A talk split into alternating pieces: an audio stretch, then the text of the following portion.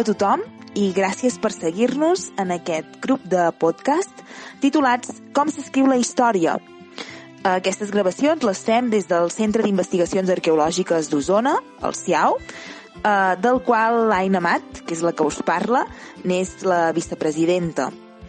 Uh, en aquest conjunt de gravacions el que farem és parlar de l'ofici uh, d'arqueòleg o d'historiador, és a dir, d'aquells que es dediquen a buscar les restes del nostre passat per escriure la història, per escriure el que coneixem uh, com a història.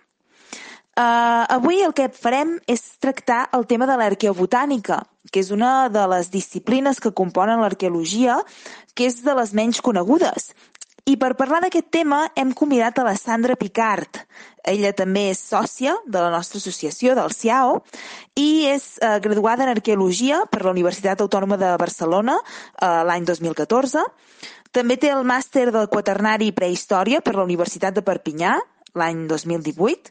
I, a més a més, en els seus estudis eh, es va especialitzar en paleontologia, ella ha treballat també en diferents jaciments, des de l'època paleolítica fins a l'època moderna. Uh, alguns exemples podrien ser la Dou, de Sant Esteve d'en Mas, la Draga, de Banyoles, o la Cova del Randero, d'Alacant. I actualment compagina la seva activitat arqueològica fent de guia de turisme i també ensenya francès. Benvinguda, Sandra. Gràcies per ser aquí avui amb nosaltres. Uh, anem directament en matèria com la majoria d'oients eh, ja deuen saber, l'arqueologia és una disciplina on hi caben molts elements diferents. De fet, el que fa l'arqueologia és l'estudi de les restes materials.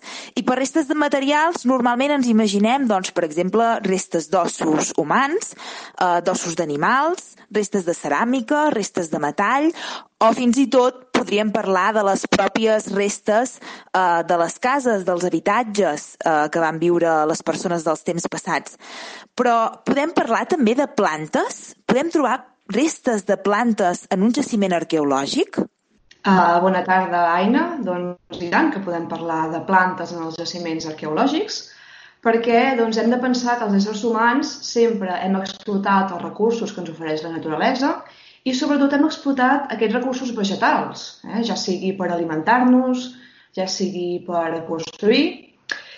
I bé, tot i que hem aprofitat tant aquests eh, recursos vegetals, en els jaciments arqueològics, malauradament, no es troben tan ben representats com els elements, per exemple, de la ceràmica, com la indústria lítica, i això es deu a que són elements orgànics, i això vol dir que simplement doncs, no perduren eh, no perduren, no eh, es poden trobar tan bé en els jaciments eh, arqueològics. Uh, quin tipus de plantes podem trobar en un jaciment arqueològic? Doncs realment podem trobar tot tipus de, de plantes. Hem de diferenciar en aquests jaciments arqueològics el que són les macrorestes i les microrestes. Eh? Les macrorestes són aquelles que es poden observar a ull nu o amb l'ajuda d'una lupa binocular després en el laboratori. I aquestes macrorestes poden ser carbons vegetals i les fustes, que són els elements que estudia l'antropologia, i també poden ser les granes, els fruits i les llavors, que són les restes que estudia la carpologia. Eh? Si fins aquí hem parlat de les macrorestes, també podem parlar de les microrestes, que aquestes són més petites, necessiten l'ajuda d'un microscopi per a ser observades i poden ser, per exemple, el pol·len i les espores, eh, que són els elements que estudia la palinologia, i també poden ser els fitòlits, que són partícules de silici que es troben a l'interior d'algunes plantes, i també podríem parlar de les diatomees, eh? simplement les algues. La, ens has parlat d'alguns instruments com la lupa binocular. Uh, ho dic perquè si hi ha alguns uh, oients que no saben uh, quins instruments poden fer servir els arqueòlegs per estudiar les plantes de l'antiguitat. Ens pots explicar una mica què és això, aquests instruments que veu servir? Uh, bàsicament, la lupa binocular és una eina, és una eina que ens ajuda a ampliar aquests elements uh, vegetals que podem observar i a part de la lupa binocular també podem utilitzar doncs, el microscopi i també doncs, bàsicament la lupa típica, clàssica de tota la vida. Mm. Molt bé. Quina informació ens pots aportar l'estudi de plantes en un jaciment arqueològic? Doncs realment molt tipus d'informació i molt variada. Podem conèixer realment moltes qüestions en relació a la vida de les societats humanes. Per exemple, podem saber com era el paisatge al voltant del jaciment arqueològic, és a dir, si era boscós, vol dir que era un espai doncs, tancat, si era un espai obert amb poca massa forestal. També podem conèixer doncs, la vegetació que formava part uh, d'aquests medis, quin tipus de plantes, quin tipus d'arbust, quin tipus d'arbres dominaven, i amb totes aquestes dades podem arribar a conèixer quin era el clima dominant en un moment concret. Però és que també podem conèixer l'alimentació de les societats passades. Eh? Si, per exemple, aquestes societats practicaven l'agricultura o bé recol·lectaven les plantes silvestres. Mm? Per exemple, a partir de l'arqueobotànica es va poder estudiar la domesticació de les plantes en aquest procés de nomadització. Mm?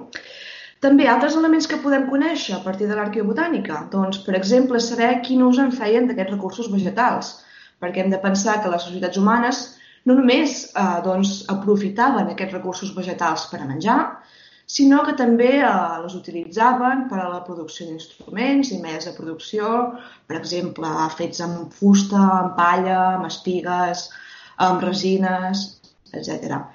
I finalment, un últim aspecte no menys important, que seria veure quin impacte van tenir aquests individus, eh, amb la, aquestes societats en relació al seu entorn. Això també ho podem veure a partir doncs, de, de, de l'arqueobotànica. Molt bé, tu ens estàs parlant de l'arqueobotànica, que és aquesta la nomenclatura que es fa servir quan s'estudien les restes de vegetals en els jaciments arqueològics. Però tu, Sandra, a més a més, vas fer el treball final de grau i el treball final de màster de palinologia, que és un altre terme de com l'hauríem de definir. Té a veure amb l'arqueobotànica.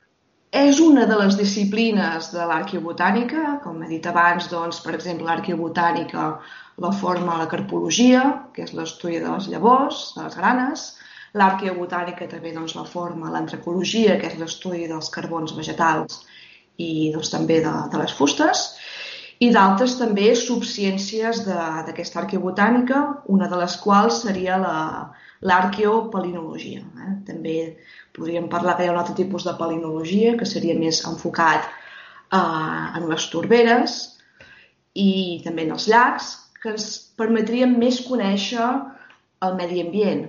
En el cas de l'arqueologia, nosaltres ens interessa més, a banda de conèixer el medi ambient, és conèixer quin tipus de relació van tenir aquestes societats doncs, amb el seu medi ambient i també doncs, com s'alimentaven, quins recursos vegetals utilitzaven. I en relació doncs, a la palinologia, és una ciència que es dedica a estudiar els grans de polen i també de les espores per a conèixer doncs, algunes de les problemàtiques de les quals he parlat a, eh, fa pocs minuts. Molt bé.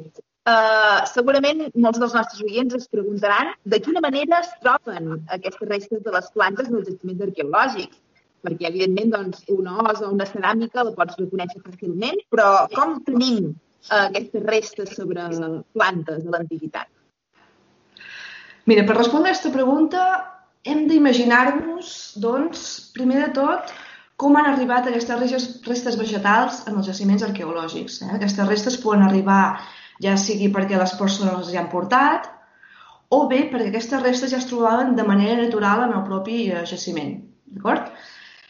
Per la raó que sigui, han arribat en aquest espai eh, i per diferents processos eh, postdeposicionals, aquestes restes vegetals entren eh, a dintre del sediment, acaben integrant-se dintre del sediment, formen part dels estrats arqueològics, que són les capes de terra que excavem els arqueòlegs, i al cap de molts anys, quan venim els arqueòlegs a excavar aquest jaciment, a banda de trobar aquestes restes de ceràmica, d'indústria lítica, d'ossos, podem recuperar el material arqueo arqueobotànic a partir de diferents tècniques.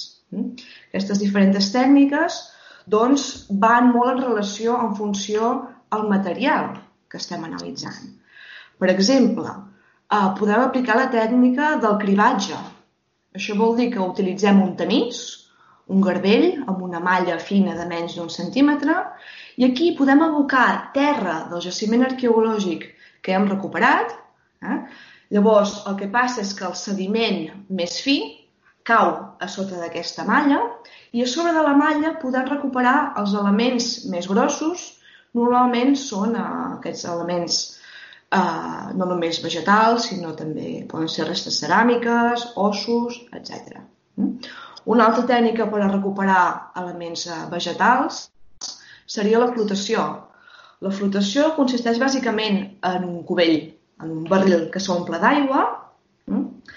En aquest barril s'introdueix el sediment que s'ha extret del jaciment arqueològic i aquell material eh, que és més lleuger flota, per tant, es pot recuperar eh, aquestes restes vegetals amb l'ajuda d'un, per exemple, d'una amb un altre garbell o amb una altra matlla per recuperar el que serien aquests elements.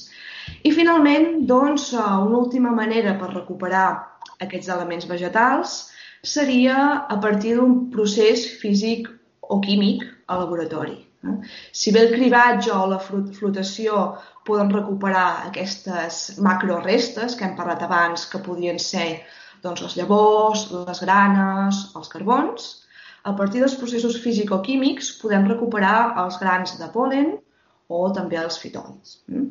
Per tant, són dues maneres completament, són, perdó, són tres maneres completament de recuperar aquests elements vegetals i dir bàsicament que aquest procés fisicoquímic és molt, molt eh, destructiu, perquè el que volem en aquest procés fisicoquímic és eh, destruir bàsicament el sediment a partir de l'àcid clorídic, a partir de l'àcid clorídic. Per què? Per què volem destruir el sediment? Bàsicament per recuperar el material que ens, que ens interessa, que són aquestes restes de polen o també aquestes restes d'espores de, o de fitòlits. Uh, en molts jaciments podem trobar restes de plantes, és a dir, hi ha algun condicionant que marqui la presència de restes vegetals i d'altres que no? A veure, en jaciments um, en condicions molt idònies, eh? en jaciments, per exemple, en condicions de torbera, es pot arribar potser a preservar d'una manera més o menys bona algun element, algun element vegetal. Però, malauradament, la majoria de, de jaciments arqueològics no es preserven aquests, uh, aquests elements vegetals. El que sí es preserva molt bé són les uh, llavors i els carbons quan han estat cremats. Eh? En canvi, uh, els grans de polen, doncs, uh, el foc eh, els, els mata completament, doncs les eh, granes o els carbons els preserva bastant bé. Molt bé. I ja per acabar, eh, ens podries eh, posar algun exemple d'estudi eh, d'arqueobotànica en el cas de l'arqueologia? I tant. Doncs eh, us puc posar, per exemple, un estudi que vaig fer en el meu treball final de màster, um, doncs vaig estudiar una cova d'Itàlia que es diu Santa Maria d'Agnano i a partir doncs, de l'estudi dels grans de polen i d'espora vam poder reconstruir, per exemple, o vam poder identificar no només una miqueta la reconstrucció del medi ambient d'aquella zona, sinó que també vam poder conèixer els diferents processos postdeposicionals que van afectar la bona o mala conservació d'aquest polen. Què vol dir? Què, què són aquests processos postdeposicionals? Són tots els processos que intervenen, en, per exemple, en el gra de polen un cop està introduït en el sediment. Tots aquests processos postdeposicionals poden ser, per exemple, uh, l'aigua pot afectar el polen, uh, també doncs, tindríem el foc, que pot afectar molt la preservació del polen, i doncs vam poder arribar a estudiar com es va conservar o com no es va conservar aquestes restes en una cova d'Itàlia, que és de Santa Maria d'Anyano. Molt bé, doncs moltes gràcies, Sandra. Uh, gràcies per haver estat aquí amb nosaltres aquesta estona i per haver-nos explicat aquesta part de l'arqueologia que és tan interessant i tan desconeguda a la vegada. I en els propers podcasts del Centre d'Investigacions Arqueològiques d'Osona esperem completar aquesta informació d'avui amb altres elements que podem trobar en el món de l'arqueologia i de l'estudi arqueològic, que, com dèiem, és un estudi molt interdisciplinari. Gràcies i a veure. Molt bé, doncs moltes gràcies. Fins aviat.